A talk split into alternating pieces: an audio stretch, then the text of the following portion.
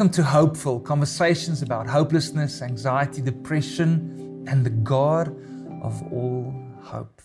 I'm sharing some of my own story, and also when God not only seems distant, but when you don't feel Him.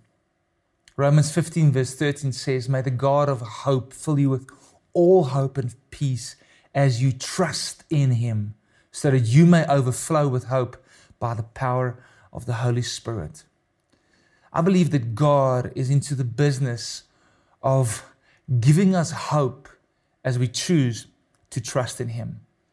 Hope is your inheritance, no matter what you are feeling at this moment. It's Rick Warren that said, God is more concerned that we trust Him than that we feel Him. You see, it's faith, not feelings, that pleases God. God is is, is hungry for your trust, if I want to say it like that. He longs for your trust. And since creation, that's the one thing that the enemy tried to come and steal from us is our trust in God, our wholehearted trust in his good motives towards us. Now, many of us go through times where God seems just distant. And uh, I remember in, in my battles with depression and anxiety, I had many, not just moments, but, but days and even weeks like that where I felt that God wasn't close by me. But that's never the truth.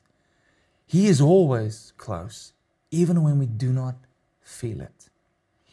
And I want to give you just four things that has helped me so much in, in these moments where He feels distant.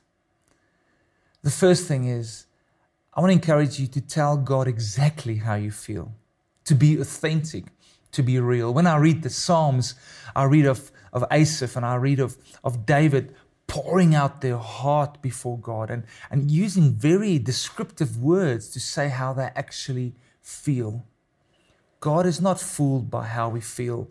Uh, don't put up a, a pious face or, or try to pray all the right words. No, you can be yourself and just pour out who you are before God. And I actually believe that prayers of hopelessness to God is actually a sign of faith. In Psalm 116, verse 10, it says, I believe even when I spoke, I'm greatly afflicted. Wow, how amazing is that? Is I'm afflicted and I'm saying that to God, but I believe. You see, doubt isn't necessarily a sign of, of unbelief. Doubt is actually me saying, I have doubts, I have these feelings, but I'm running to you, God, in this moment. I- am pouring it out to you, opposed to running to some form of addiction, trying to forget what I'm feeling or trying to numb my feelings. Secondly, I would like to encourage you in those moments not just to pour out your feelings, but also to focus on God and His unchanging nature. You know that the word says many times that we need to meditate on the word of God. Now, it's not some Eastern emptying yourself of yourself. No, meditation, godly biblical meditation, is actually filling yourself up with truth. It's in those moments where I say, I'm going to stop meditating on my hopeless situation or on my worry, but I'm going to start meditating on the word and the truth of who God is. I want to encourage you to do that, to focus on who He is, not just what He can do for you. You see, sometimes we, we handle God like a, like a lucky packet or some, some genie in a lamp where if we just rub His tummy long enough, He will just uh, do whatever we want Him to do. But God is God. I'm not. Even in those moments where, where I feel like this is wrong or it's unjust what is happening to me. Let's focus on His nature and worship Him for that. Opening up the scripture. I remember many times in my depression, my hopelessness, where I did have nothing to say to God, but I literally opened up the word and prayed what was in that, even if I didn't feel it. And thirdly, I want to encourage you to trust God to keep His promises. Wow. I remember in those deep, dark nights of the soul that I've, I've, I've gone through in my life, I had nothing else to hold on to except the promises of God. I had to literally go back into my journals, into my into the Bible where I marked or where I highlighted and I said, God, you said this to me, you promised this to me. Now I am standing on those promises. It's as if prophecies become fuel in the desert. It's those moments where I need to fall back on what God has spoken to me. Um, I remember in those moments where, where I felt so abandoned. One of them was when I lost my best friend in a car accident and I was standing next to his lifeless body. And in those moments where I didn't feel God, where I had to choose to worship, I reminded God of his promises over my life. And I want to encourage you to do the same.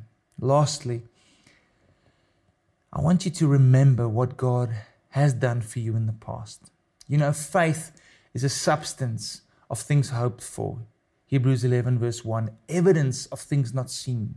Now, the word substance and the word evidence literally means you can see it, it's there. And I believe faith isn't just pie in the sky, it's not hoping something happens. No, faith is built on a substance, it's built on what has come before.